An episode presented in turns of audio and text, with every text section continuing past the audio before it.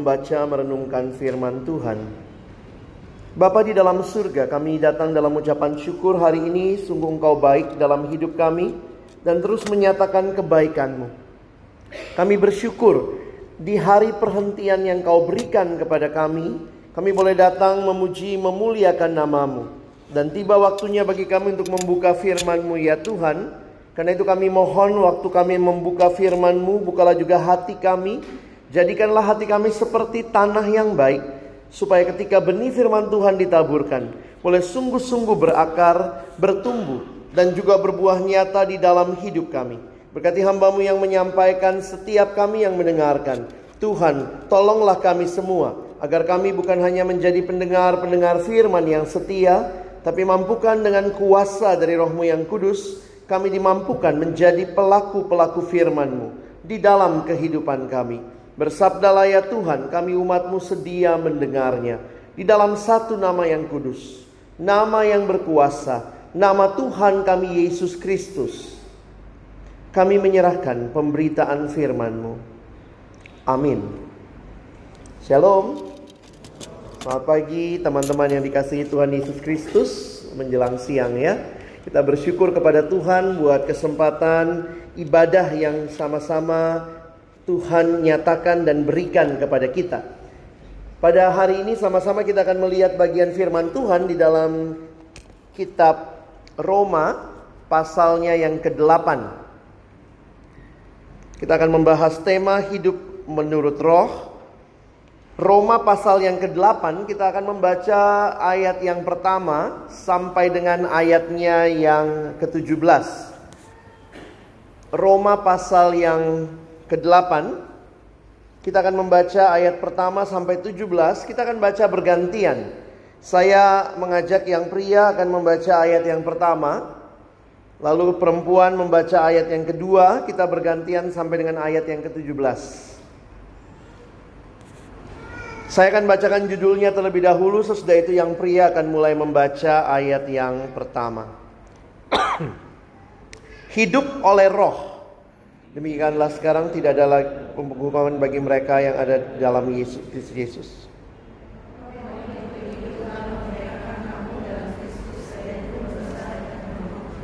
Sebab apa yang tidak mungkin dilakukan hukum Taurat karena tak berdaya oleh daging telah dilakukan oleh Allah dengan jalan mengutus anaknya sendiri dalam daging yang serupa dengan daging yang dikuasai dosa karena dosa ia telah menjatuhkan hukuman atas dosa di dalam daging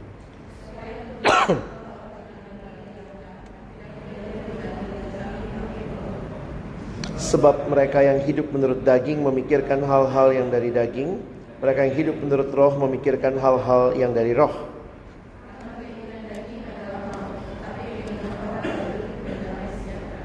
Sebab keinginan daging adalah perseteruan terhadap Allah, karena ia tidak takluk kepada hukum Allah. Hal ini memang tidak mungkin baginya. Tetapi kamu tidak hidup dalam daging, melainkan dalam roh. Jika memang roh Allah diam di dalam kamu. Tetapi jika orang tidak memiliki roh Kristus, ia bukan milik Kristus.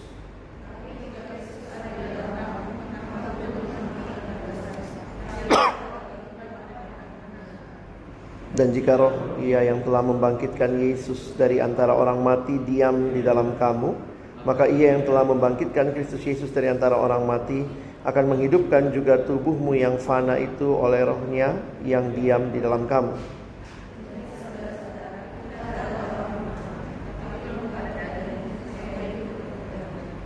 Sebab jika kamu hidup menurut daging, kamu akan mati. Tetapi jika oleh roh kamu mematikan perbuatan-perbuatan tubuhmu, kamu akan hidup.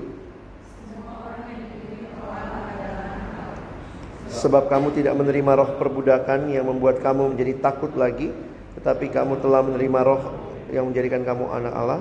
Oleh roh itu kita berseru, Ya Aba, Ya Bapa.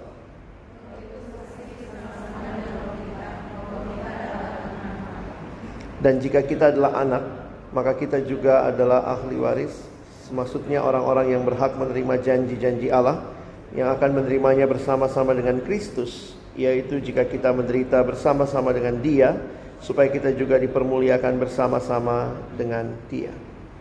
Saudara yang dikasihi Tuhan, biasanya hal-hal mendasar bukan lagi jadi hal yang kita pahami dengan dalam atau pahami dengan segar karena sudah begitu biasa bagi kita. Tetapi kembali Hal-hal mendasar penting untuk diingatkan terus-menerus. Saya ingat kalau naik pesawat, mau saudara sudah naik pesawat berapa ratus kali, bahkan berapa ribu kali, tetap ada cara petunjuk menggunakan sabuk pengaman, menggunakan life vest ya, jaket pelampung begitu ya. Dan uh, saya melihat iya ya, itu bukan masalah sudah berapa kali, kita naik pesawat, tetapi itu standar prosedurnya begitu yang selalu harus diingatkan dan ada satu penerbangan yang pernah saya naiki dan kalimatnya menarik. Mohon perhatikan, mungkin karena dia udah tahu kali ya, kita mah jarang perhatiin kalau udah sering naik pesawat, males perhatiin. Pas lagi dia demo gitu, udah tidur gitu ya. Tapi dia bilang, mohon perhatikan karena mungkin apa yang ada di pesawat ini akan berbeda dengan pesawat lain yang sudah pernah saudara naiki. Jadi ada berbagai cara lah untuk memberikan kepada kita pemahaman kembali, penegasan terhadap apa hal-hal yang sudah biasa kita tahu dan kita pahami. Nah, saudara yang dikasihi Tuhan, ketika Paulus berbicara kepada jemaat di Roma, saya pikir dia kembali menegaskan hal-hal mendasar yang sebenarnya sudah dialami oleh jemaat Roma. Kenapa? Karena mereka bukan orang-orang yang baru percaya, mereka sudah percaya kepada Kristus. Tetapi kitab Roma menjadi satu kitab yang sangat luar biasa yang di mana Paulus memberikan apa yang menjadi hal dasar kekristenan. Karena itu dalam sejarah juga banyak yang menjadikan kitab Roma ini gereja awal menjadikannya sebagai bahan katekisasi. Karena ini sangat uh, solid sekali pengajaran tentang kehidupan Kristiani. Kehidupan yang di dalamnya kita melihat Allah bekerja dengan luar biasa. Pengakuan iman rasuli di dalam gereja mempunyai tiga inti yang utama. Kalau kita ingat, aku percaya kepada Allah, Bapa yang Maha Kuasa, percaya kepada Yesus Kristus, dan percaya kepada Roh Kudus. Sehingga fokus dalam kehidupan kekristenan kita melihat di dalam karya kasihnya Allah Tritunggal. Nah, apa yang mau saya ajak kita pikirkan bersama-sama bahwa waktu Paulus berbicara tentang hidup oleh roh, LAI memberikan judul ini, tetapi sebenarnya kita bisa melihat dalam kaitan yang sangat luas karya Allah Tritunggal. Bapa mengutus anaknya dan anak dan Bapa mengutus Roh Kudus. Dua minggu lagi kita hari raya Pentakosta. Tapi kita terus mengingat Biasanya ada yang bilang, wah gereja sana tuh ngomongnya roh kudus mulu. Tapi ada juga gereja yang gak pernah ngomong roh kudus begitu ya. Dan kadang-kadang orang Kristen suka saling menyalahkan. Gerejamu kurang roh kudus. Ya, daripada lu kebanyakan. Gitu ya. Tapi kemudian kita melihat ini karya Allah Tritunggal di mana Roh Kudus mempunyai peranan penting di dalam aplikasi kehidupan orang percaya. Saya coba memberikan pendekatan untuk kita pahami hari ini. Ada dua hal besar yang Paulus mau jawab di dalam bagian ini. Ada dua hal besar yang Paulus mau jawab. Dua pertanyaan penting yang Paulus mau jawab. Yang pertama adalah pertanyaan berkaitan bagaimana dengan hidup yang berdosa, apakah akan dihukum. Jadi pertanyaan pertama berkaitan dengan hidup di dalam dosa yang sudah Paulus bahas mulai dari pasal 1, pasal 2, pasal 3 terus sampai pasal yang ketujuh, apakah akhir dari hidup di dalam dosa itu apa jalan keluarnya, bagaimana mengatasinya, Paulus menjawab pertanyaan pertama itu di ayat 1 sampai ayat 4. Lalu yang kedua, Paulus menjawab pertanyaan. Lalu bagaimana hidup sekarang ini supaya bisa hidup benar? Oke?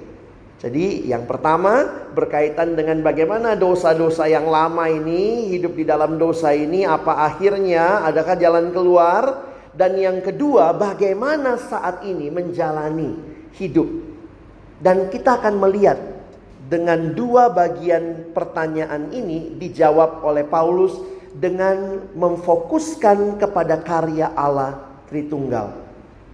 Nah, saudara, ini bukan hal yang baru buat kita, tapi kiranya Tuhan segarkan kita kembali pagi ini. Saudara, mari kita lihat sebentar pasal yang ke-8 mulai ayat yang pertama.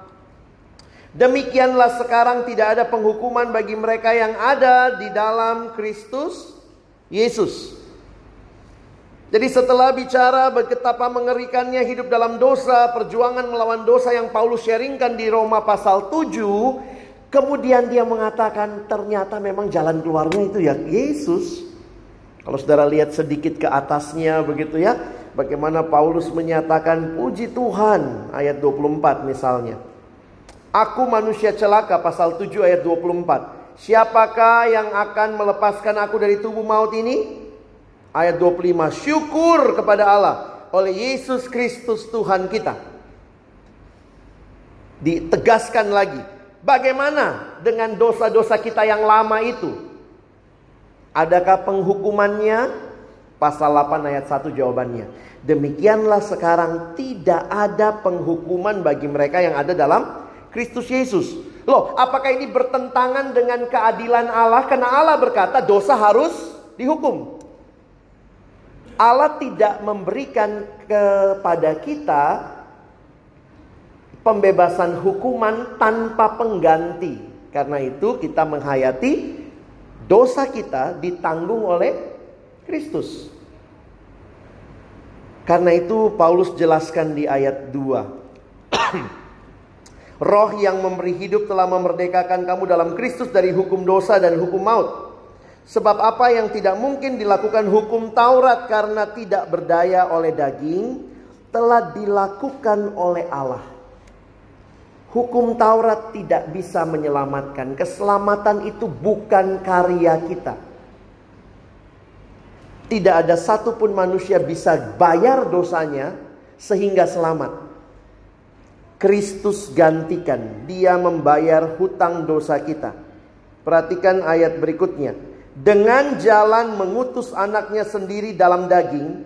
Yang serupa dengan daging yang dikuasai dosa. Karena dosa, ia telah menjatuhkan hukuman atas dosa di dalam daging. Kenapa harus Yesus jadi manusia? Supaya dia bisa tanggung dosa kita. Dia menanggungnya di dalam daging sama seperti kita.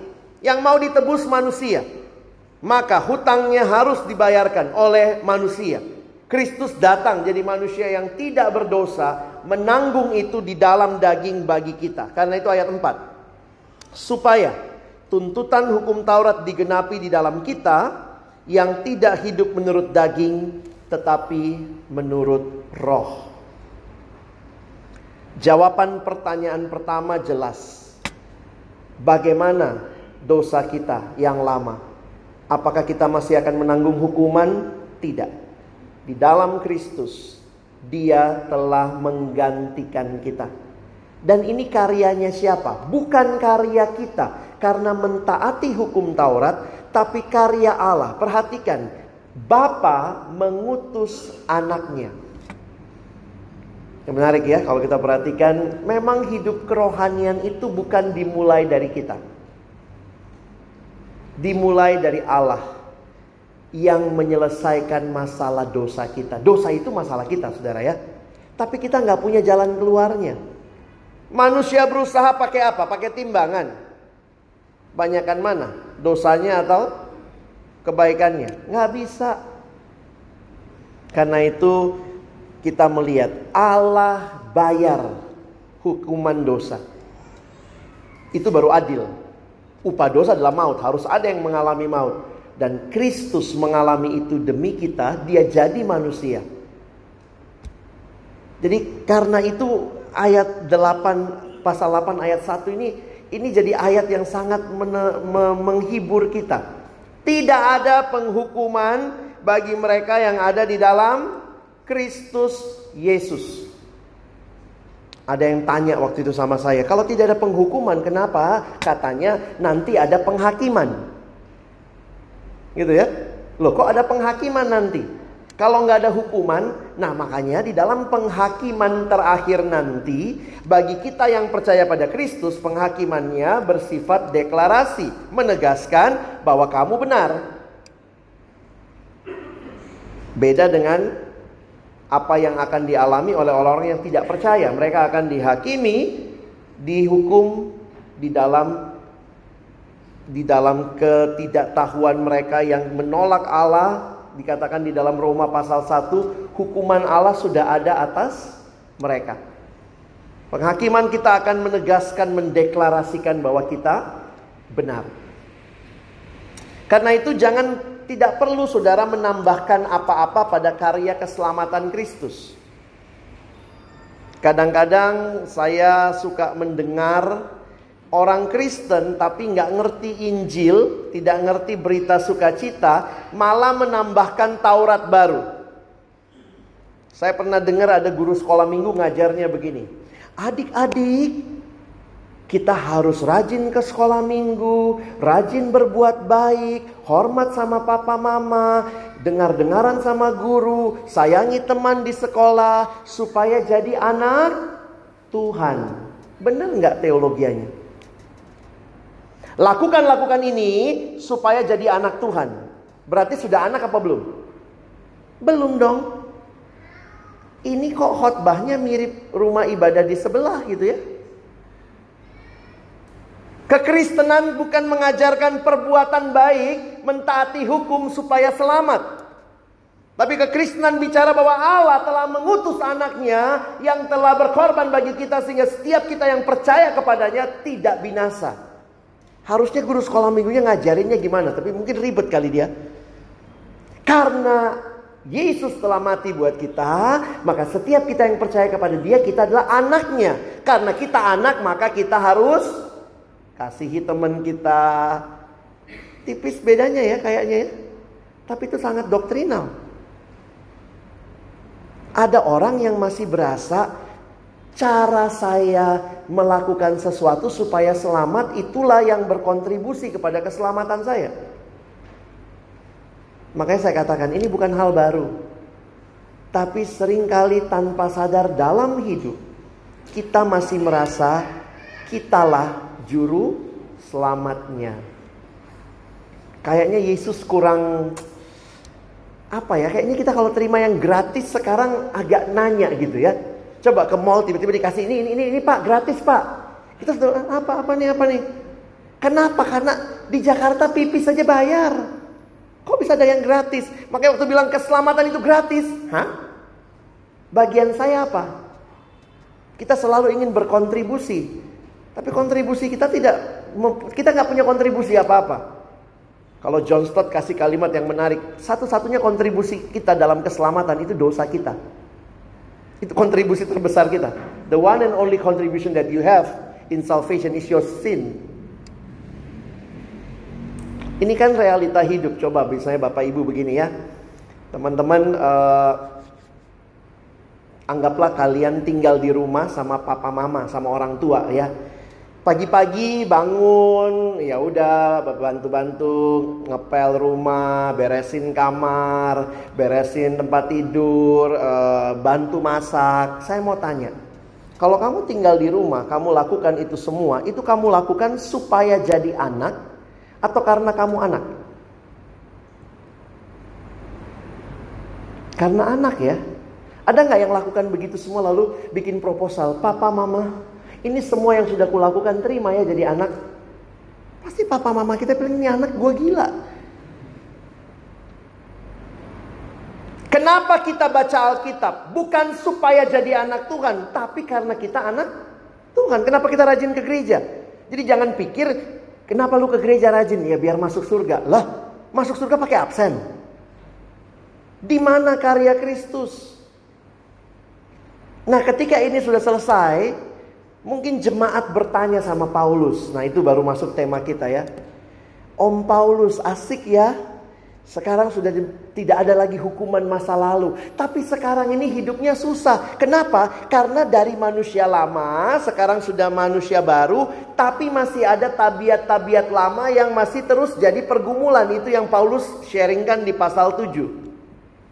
Bagaimana saya bisa hidup sekarang?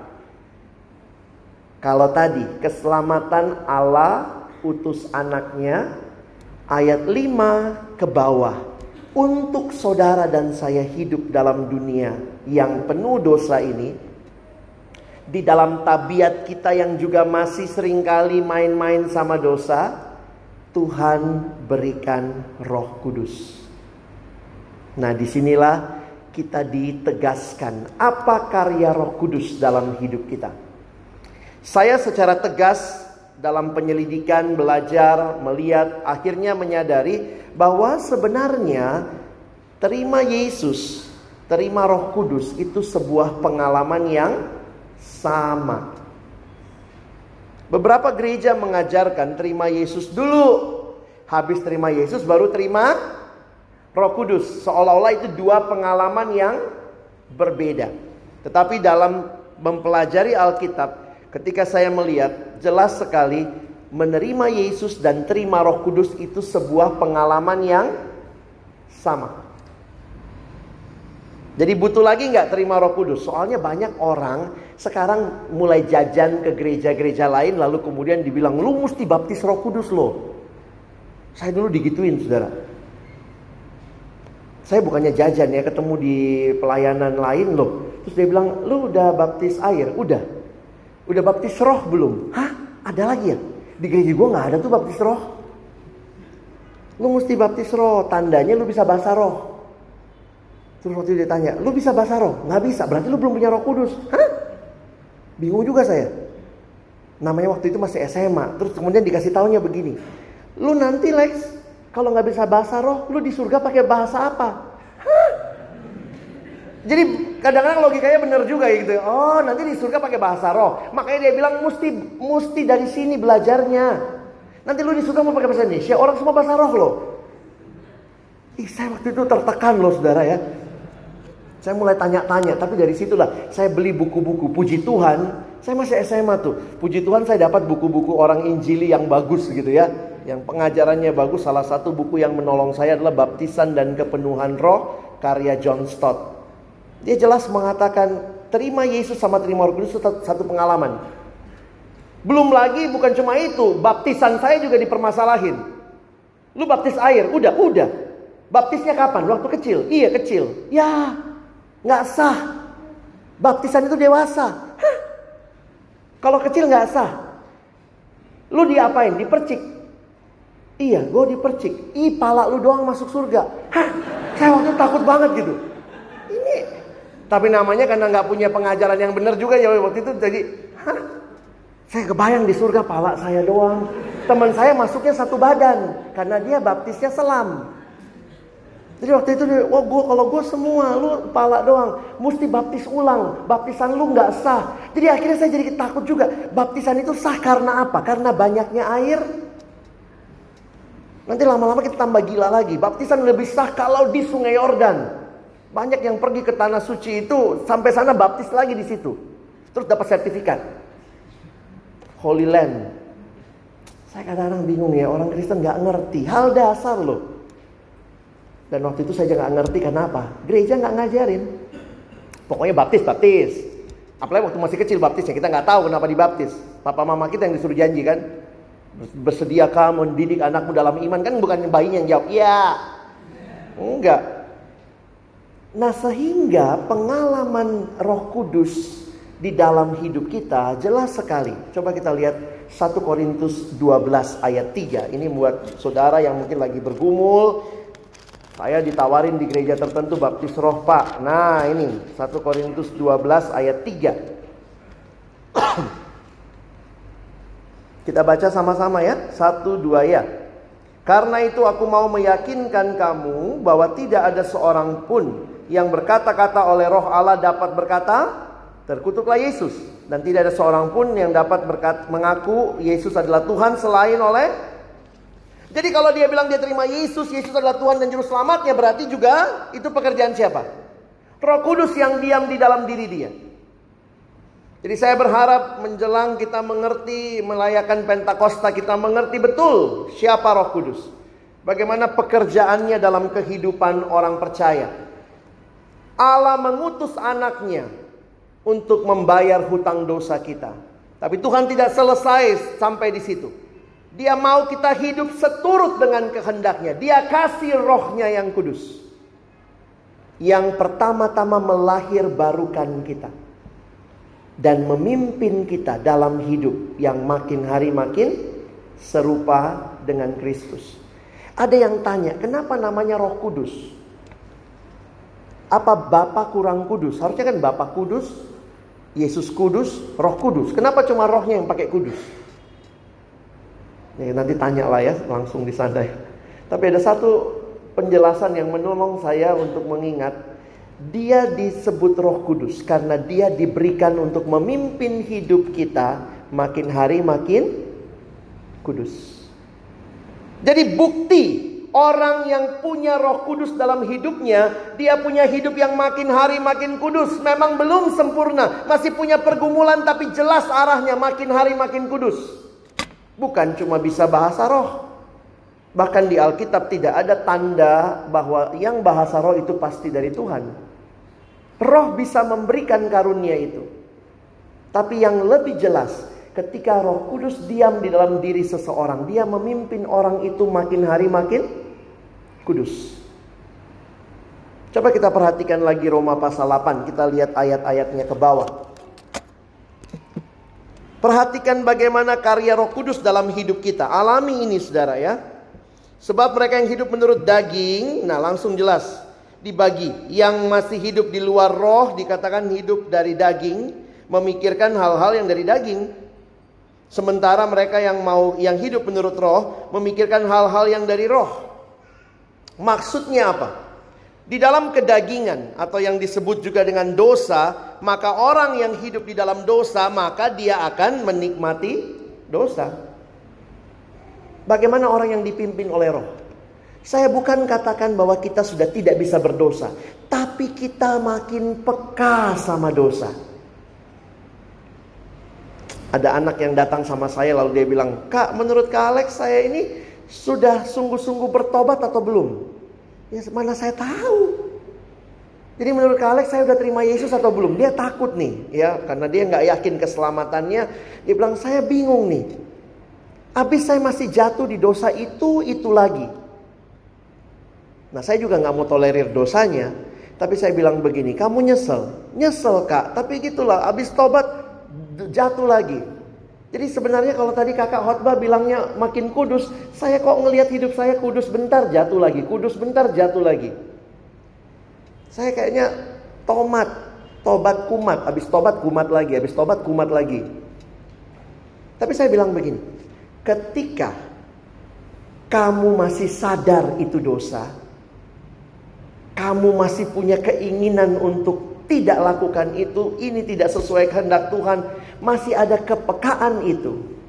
Sebenarnya itu tanda ada roh Allah yang diam di dalam dirimu. Saya ulangi ya, ini bukan license untuk bikin dosa saudara, bukan ya. Tapi saya cuma mau katakan, ketika engkau dan saya masih mengalami pergumulan dalam dosa, itu tanda bahwa roh Allah ada di dalam dirimu.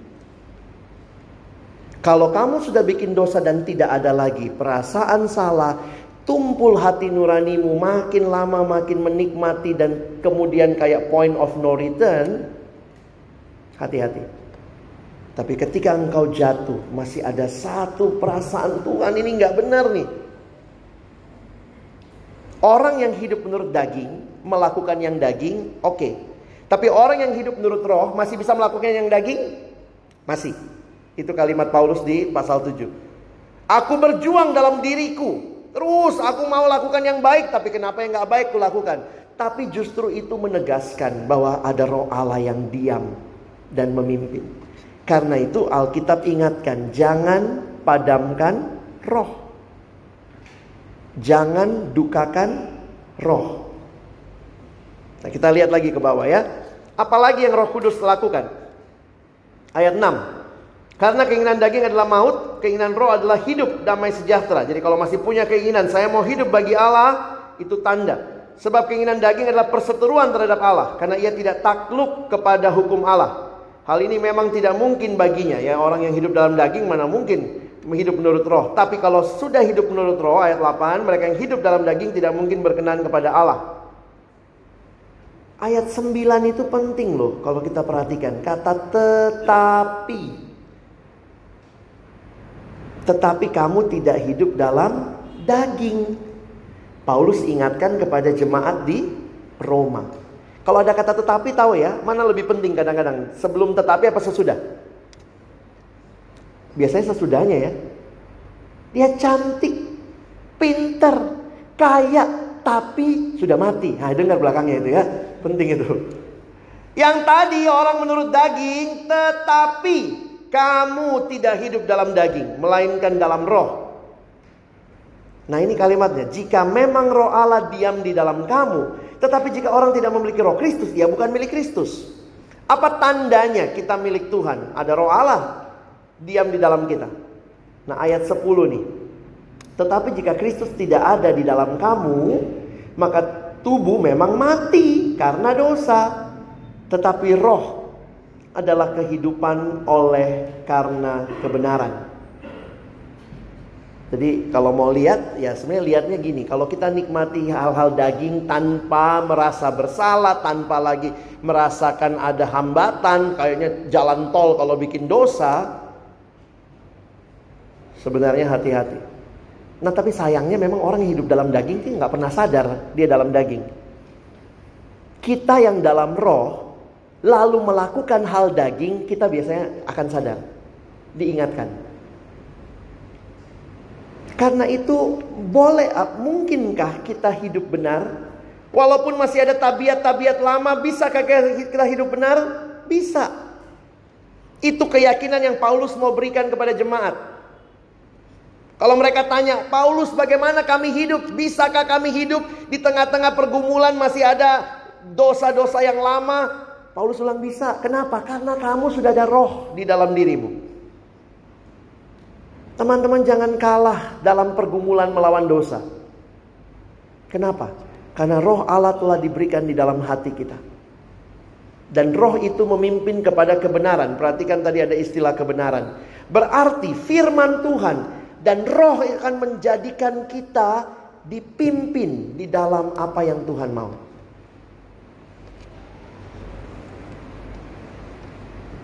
Roh Kudus itu roh apa sih?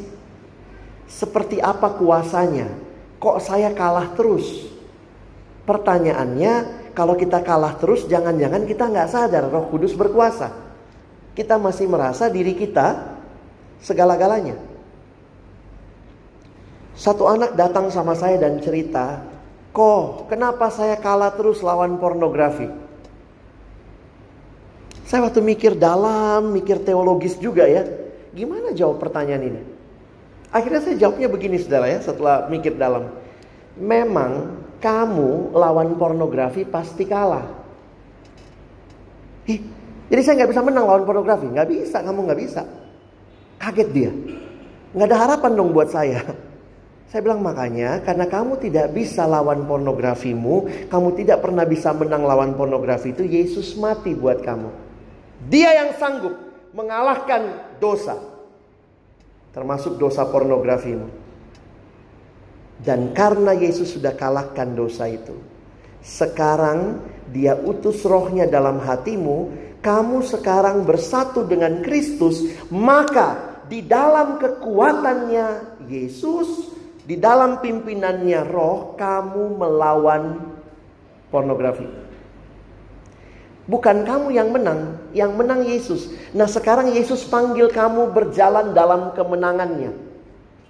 Makanya tiap kali jatuh dalam dosa, ingat Yesus bukan bukan cuma pergumulan dan perjuangan kita. Kadang-kadang kita jatuhnya merasa perjuangan kita yang kurang. Tapi waktu saya pelajari secara teologis, sebenarnya kita yang kurang berserah kepada Allah. Ini memang teorinya begitu, prakteknya sulit, saudara. Bukan cuma sulit, bahasa Inggrisnya sulit, saking susahnya. Berserah itu nggak gampang. Kita kan biasanya lakukan perlawanan lawan dosa ya. Dalam satu buku yang saya baca dia bilang begini, kalau kamu melawan dosa dengan kekuatanmu sendiri, begitu kamu berhasil lawan dosa, the credit goes to Oh, hebat saya loh. Makanya biasanya kalau orang datang, "Kak, saya pornografi gini." Kita kasihnya apa? Lebih rajin saat teduh, tambahin saat teduhmu, baru pagi, tambah sore. Jadi akhirnya waktu dia baca pagi, baca sore, akhirnya dia menang minggu itu lawan pornografi, akhirnya dia bilang apa? Saya menang lawan pornografi karena saat teduhku. Aku yang bisa lawan dosa. Loh, Alkitab ternyata nggak ngajarin begitu. Yang bisa kalahkan dosa cuma Yesus. Karena itu Yesus menang. Dan Yesus yang menang itu panggil kita berjalan dalam kemenangannya. Karena itu waktu engkau berjuang melawan dosa ingat terus. Yesus sudah mati, Yesus sudah mati. Jangan salibkan dia yang kedua kali. Saya tidak mau lagi gagal. Bukan karena saya sanggup. Tapi karena Yesus sudah menang. Oh beda loh prinsip itu. Tanpa kita sadari. Kita ngulangin kesalahan Farisi. Gimana lawan dosa? Lakukan lebih banyak kebenaran, lakukan lebih banyak kebaikan. Kita nggak beda sama pengajaran di luar sana. Yesus itu cuma pernak-pernik kita. Tapi harusnya Yesus menjadi inspirasi kita. Roh Kudus yang diberikan diam di dalam kita. Itu roh kemenangan. Coba baca ayat 11. Saya kaget banget waktu baca ini. Pertama kali gitu ya. Dan jika roh dia yang telah membangkitkan Yesus dari antara orang mati diam di dalam kamu, hah? Di dalam perjanjian lama, kuasa Allah dibuktikan dengan mencipta dari tidak ada jadi ada. Itu kuasa Allah di perjanjian lama. Allah dikatakan berkuasa karena dia bisa mencipta dari tidak ada jadi ada. Di dalam perjanjian baru, kuasa Allah dibuktikan dengan apa? Roh yang membangkitkan Yesus dari antara orang mati. Itu rohnya siapa? Rohnya Allah. Roh Allah itu membangkitkan Yesus dari antara orang mati. Itu kuasa yang luar biasa. Nah, Paulus lagi mau bilang apa? Ini teologianya luar biasa. Roh yang bangkitkan Yesus dari antara orang mati, roh yang sama diam di dalam hatimu. Bisa dipahami itu? Roh yang yang kamu punya yang namanya Roh Kudus itu, itu roh yang sama dengan yang bangkitkan Yesus. Seolah-olah Paulus mau mengatakan begini, harusnya kamu menang. Karena roh yang itu ada dalam dirimu. Coba lihat lanjutannya. Maka ia yang telah membangkitkan Yesus dari antara orang mati yang akan menghidupkan juga tubuhmu yang fana itu oleh rohnya yang diam di dalam kamu.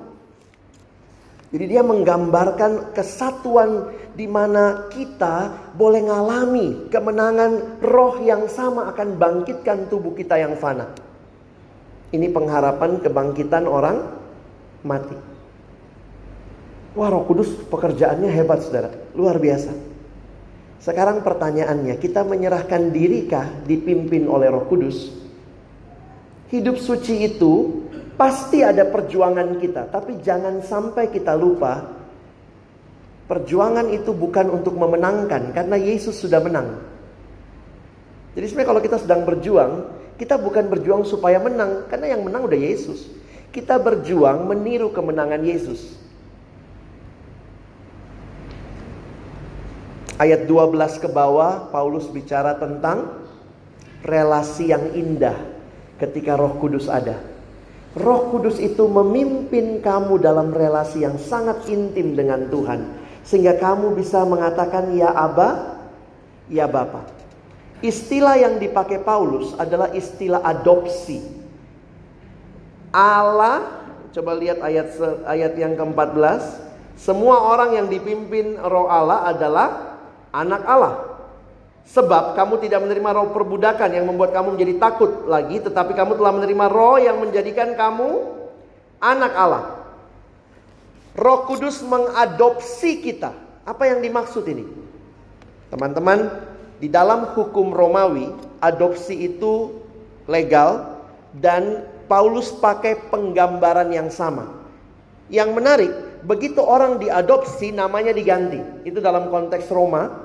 Maka semua hidup dia yang lama sudah putus, tidak ada lagi hubungannya. Kalau dia punya hutang, punya apa, semuanya selesai.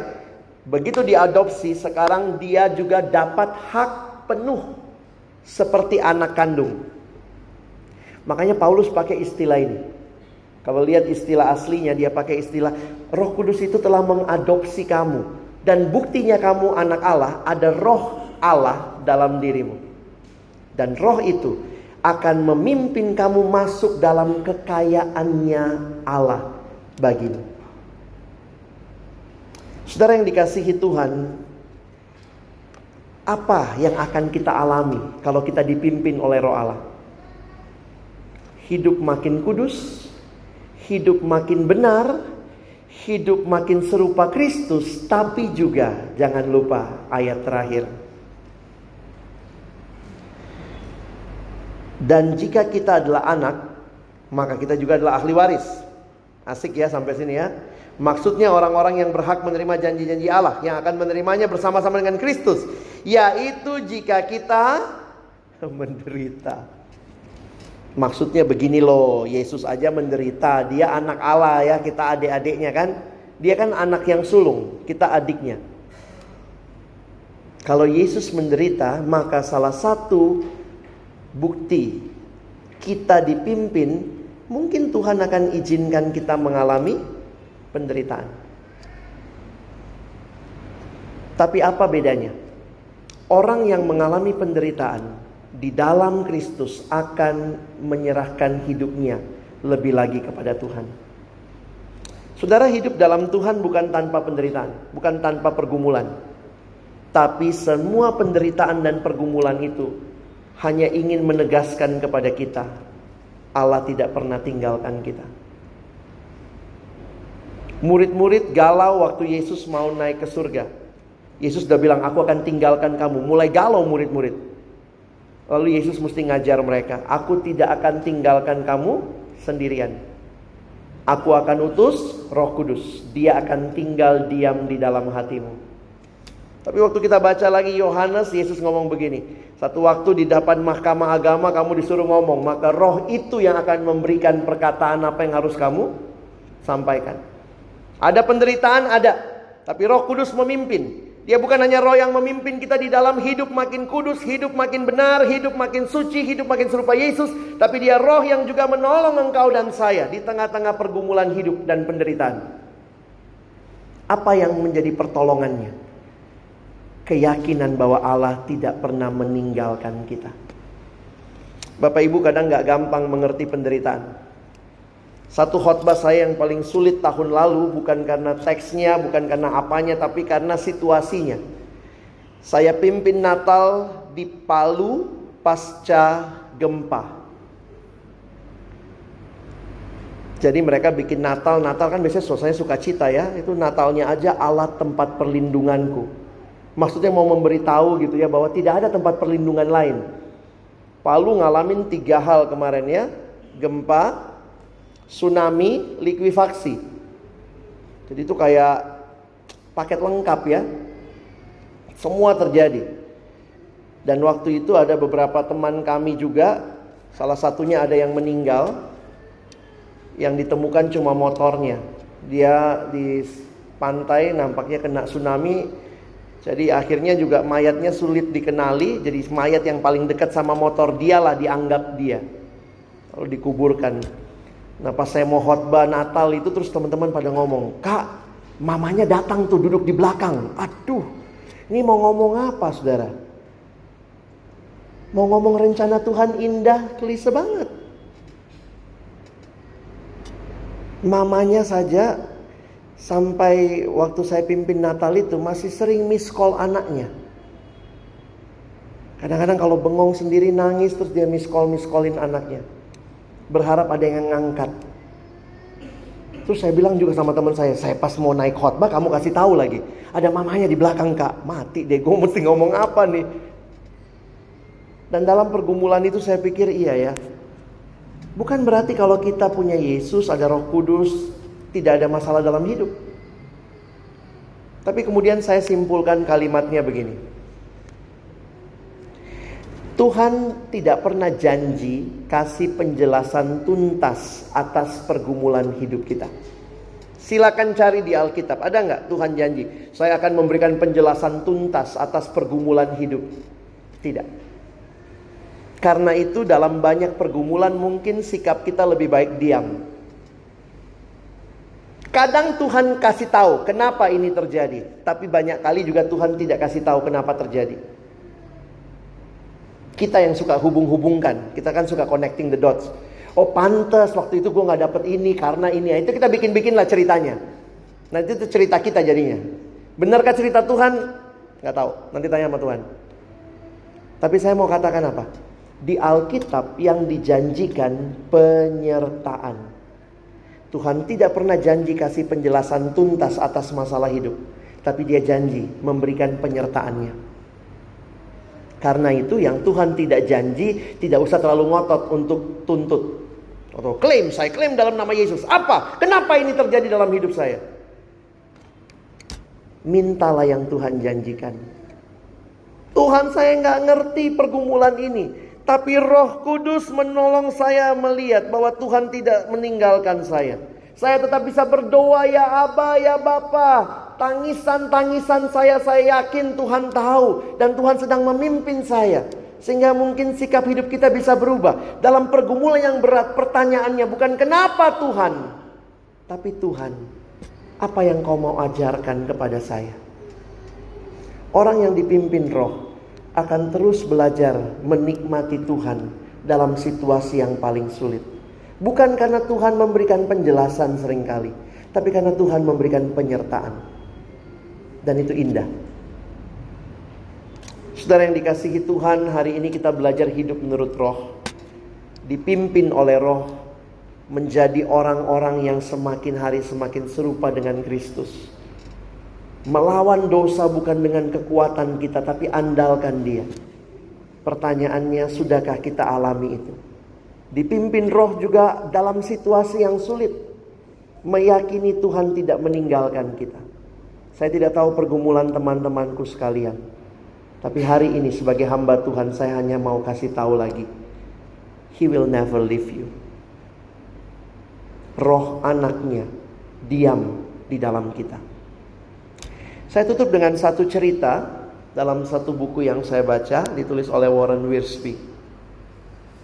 Satu waktu ada seorang kolektor lukisan yang terkenal. Dia kolektor yang sangat senang membeli karya-karya seni yang mahal di dunia. Satu waktu dia lihat sebuah katalog. Dia padahal sudah banyak punya karya seni, dia bikin galeri-galeri dia di mana-mana.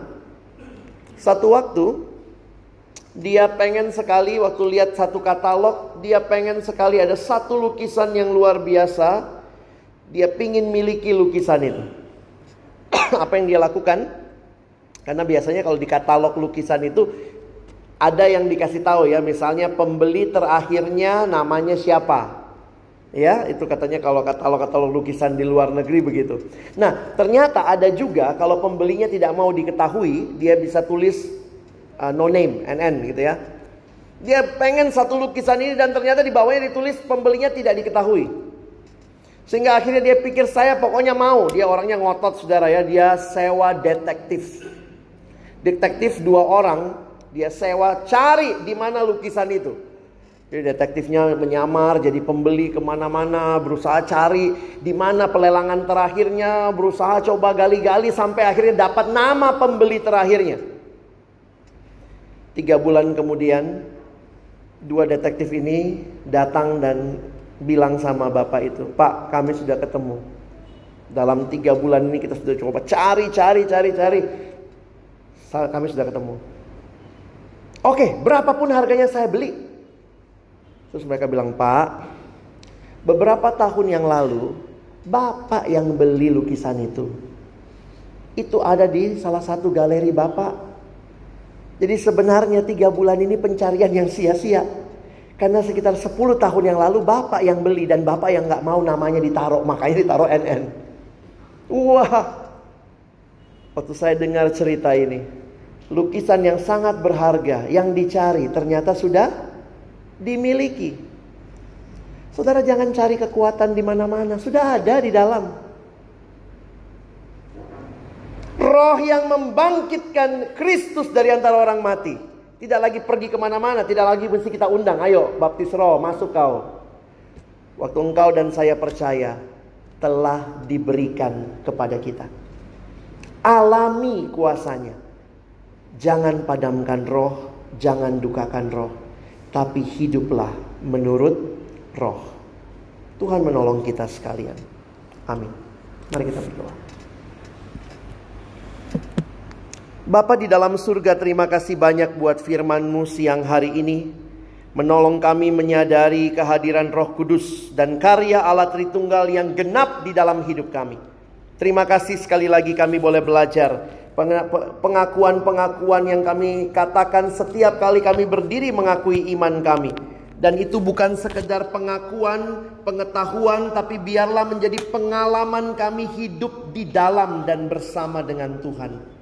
Berdoa bagi kami yang sedang bergumul melawan dosa. Kami terus berserah kepada Tuhan. Setiap kali kami gagal, kami bangkit dan memandang kemenangan Kristus. Dan kami berjuang di dalam kasih dan anugerahmu. Memandang engkau. Menikmati kasihmu sehingga kami berkata tidak kepada keinginan-keinginan kami. Tuhan tolong kami. Kalau kami bisa menang melawan dosa bukan karena kami mampu. Bukan karena kami kuat, tapi karena Engkau yang menguatkan, Engkau yang memampukan, Engkau yang membawa kami di jalan kemenangan itu. Dan terima kasih Roh Kudus terus memberikan firman demi firman, menolong kami makin hidup kudus, makin hidup benar. Terima kasih karena Roh Kudus sungguh nyata memimpin kami bahkan dalam pergumulan-pergumulan hidup penderitaan-penderitaan yang mungkin kami alami. Yang kami sering kali berkata, Tuhan kami tidak tahu mengapa. Tapi kami bisa tetap berharap, bersandar kepada Engkau yang tidak pernah meninggalkan kami. Kau berikan rohmu yang kudus. Diam di dalam kami selama-lamanya. Tuhan terima kasih. Biarlah kami pulang dengan kemenangan Bukan karena kami kuat, tapi karena Engkau yang sudah menang dan memanggil kami di jalan kemenangan. Terima kasih Tuhan, kami bersyukur. Tolong kami bukan cuma jadi pendengar firman. Jadikan kami pelaku-pelaku firman-Mu. Dalam nama Yesus kami berdoa. Amin.